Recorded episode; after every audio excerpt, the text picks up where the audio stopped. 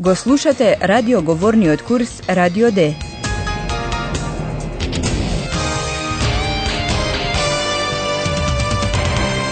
Заеднички проект на Гете институтот и Радио Дојче Веле. Авторка е Херат Мезе.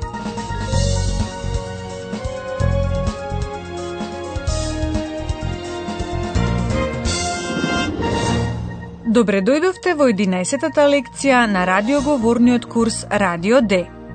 Во редакцијата заврши емитувањето емисии, но компу, нашиот компјутер што зборува, се уште е тука. И Јозефине, која ја подсредува редакцијата е тука. Ој Лалија утката што зборува, исто така. Ајхан сака уште малку да поработи, но му преча тројцата. Слушнете го разговорот.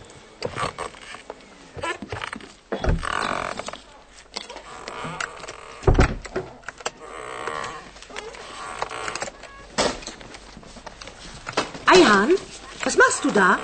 Ich arbeite, das siehst du doch. Verstehe. Ich störe wohl.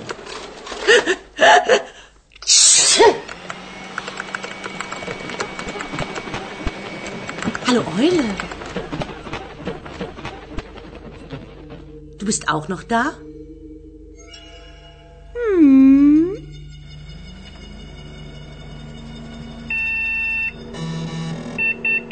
Das ist eine Eule, aber sie heißt Eulalia. Das weißt du doch.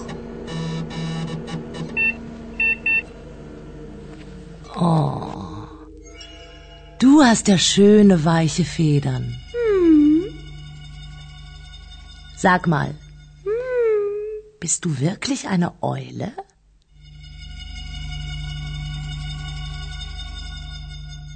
Да се исклучиме накратко од разговорот, за да го рекапитулираме досега кажаното. Јозефине најпрво се врти кон Ајхан и го прашува што прави. Eihan, was machst du da? Не е тешко да се погоди што прави Ајхан. Според него, Јозефине може да го види тоа. Ich arbeite, das siehst du doch. Чувствителната Јозефине се разбира веднаш го забележа незадоволството на Ајхан. Поради тоа почнува да се повлекува со зборовите, очигледно пречам. Verstehe. Ich störe wohl. Јозефине, сакајќи да продолжи да работи, ја забележува Ојлалија. Ја поздравува пријателски, но не и се обраќа по име. Hallo Eule. Du bist auch noch da? Токму во овој миг се вклучува компу и ја подсетува Јозефине на името на утката. Das ist eine Eule, aber sie heißt Eulalia. Das weißt du doch. Јозефине предпазливо и се доближува на Ојлалија и ја ги допира пердувите. Изненадена е од меките пердуви на Ојлалија.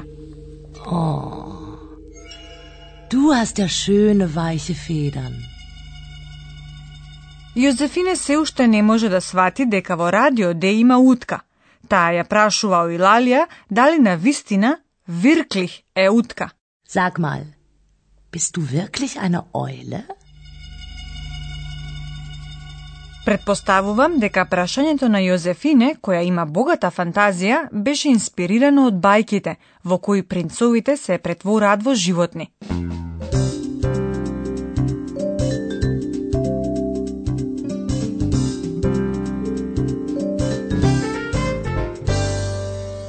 Во следниот разговор станува збор за потеклото и значењето на името Ојлалија. Што ни открива Компу за незиното име?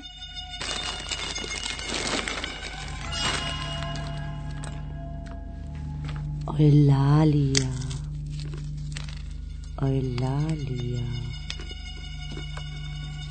Woher kommt dein Name?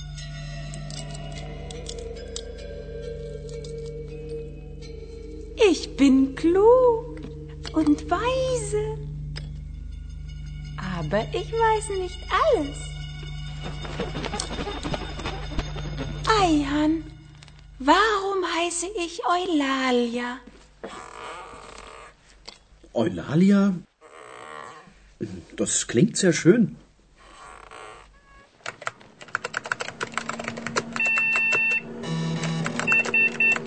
Eulalia. Eulalie, griechisch, Name, weiblicher Name, bedeutet schöne Stimme. Toll, Kompu, danke. Eulalia, jetzt weißt du, warum du Eulalia heißt. Deine Stimme ist schön.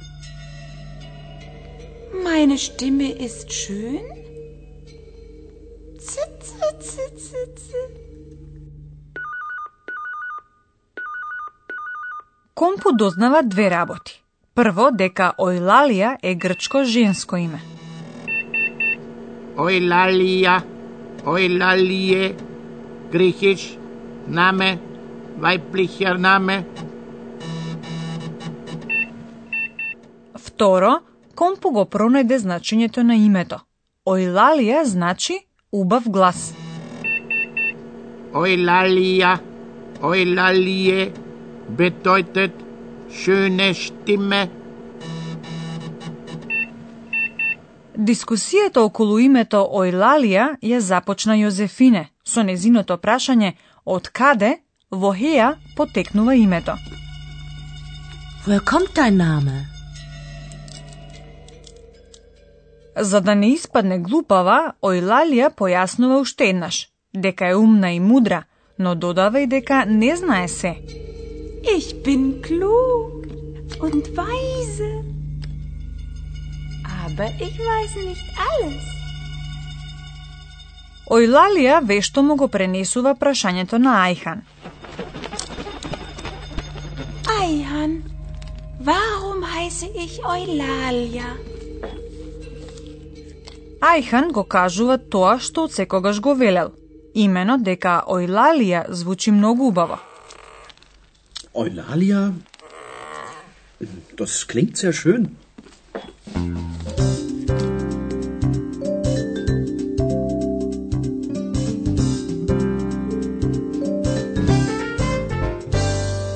Очигледно се расчуло дека во радио Д има утка која се вика Ојлалија. Обидете се да разберете што вели шпанецот Карлос за една друга Ојлалија. При тоа обрнете внимание на два збора, što може би ги знаете од вашиот или некој друг странски јазик. Ja, bitte? Ayan. Ah, guten Abend, Carlos. So spät noch? Hola, Ayan, pardon. Sag mal, stimmt das? Bei Radio D ist eine Eule und sie heißt Eulalia. ja, Carlos, das stimmt. Woher weißt du das? No ist importante. Eh, das ist nicht so wichtig. Wichtig ist, Eulalia ist ein spanischer Name. Santa Eulalia. Santa Eulalia? Sie, eine Heilige, eine Märtyrerin. Oh, Madonna. Carlos? Carlos, bist du noch da?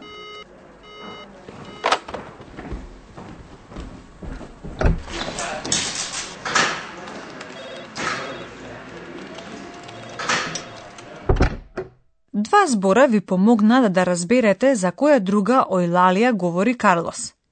Тој зборува за Санта Ојлалија, Света Ојлалија. Santa Eulalia.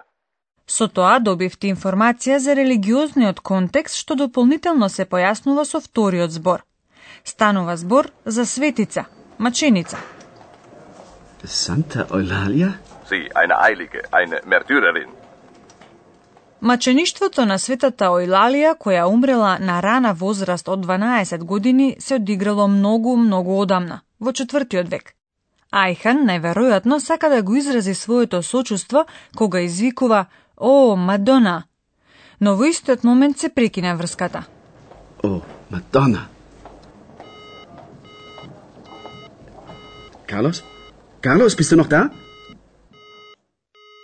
Мисли ли Карлос дека Ајхан зборот «О, Мадона» го кажал иронично?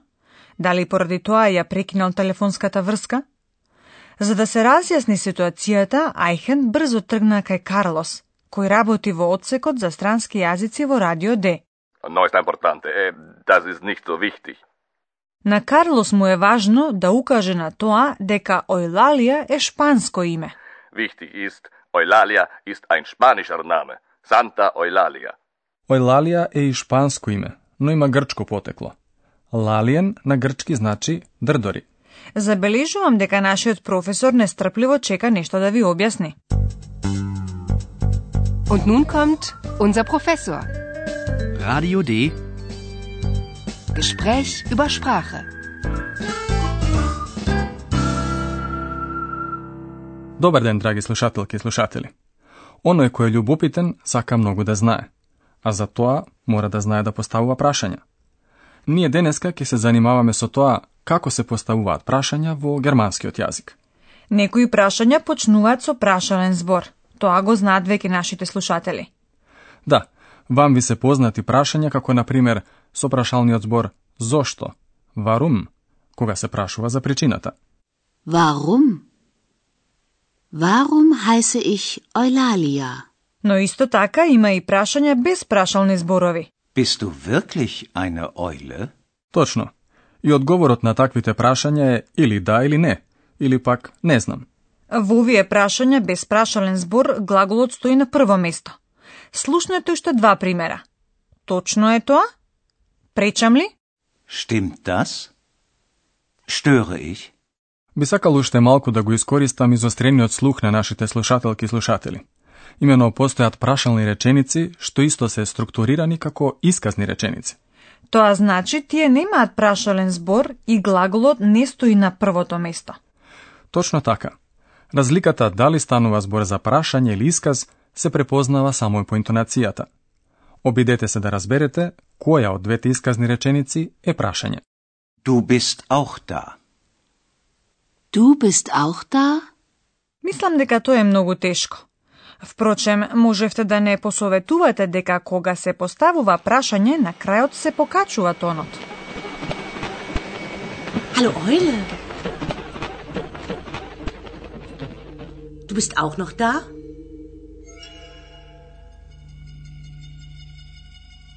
Потполно сте во право. Простете ве молам. Ким дадеме уште една шанса на слушателите да споредат. Вториот исказ е прашање. Deine Stimme ist schön. Meine Stimme ist schön?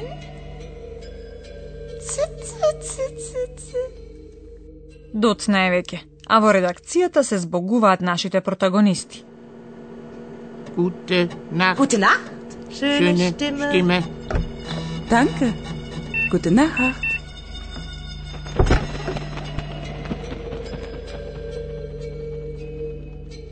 Можете да ја слушнете уште еднаш сцената во редакцијата.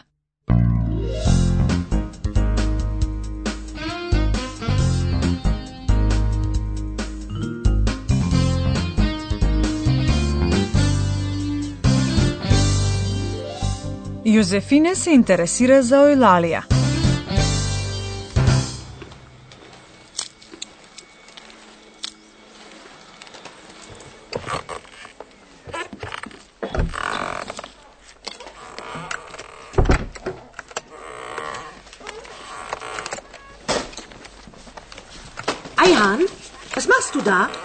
Ich arbeite, das siehst du doch. Verstehe. Ich störe wohl.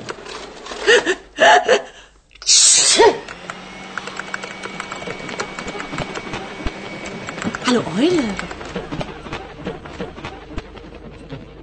Du bist auch noch da?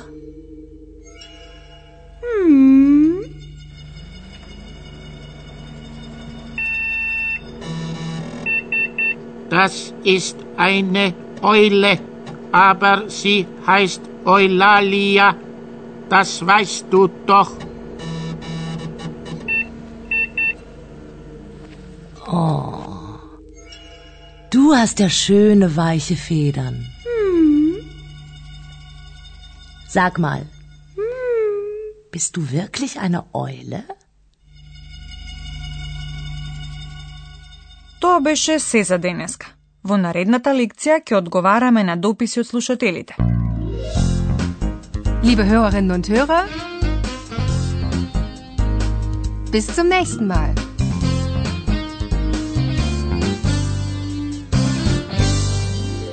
Го слушавте Радио Д, курсот по германски на Гете институтот и Радио Дојче Веле.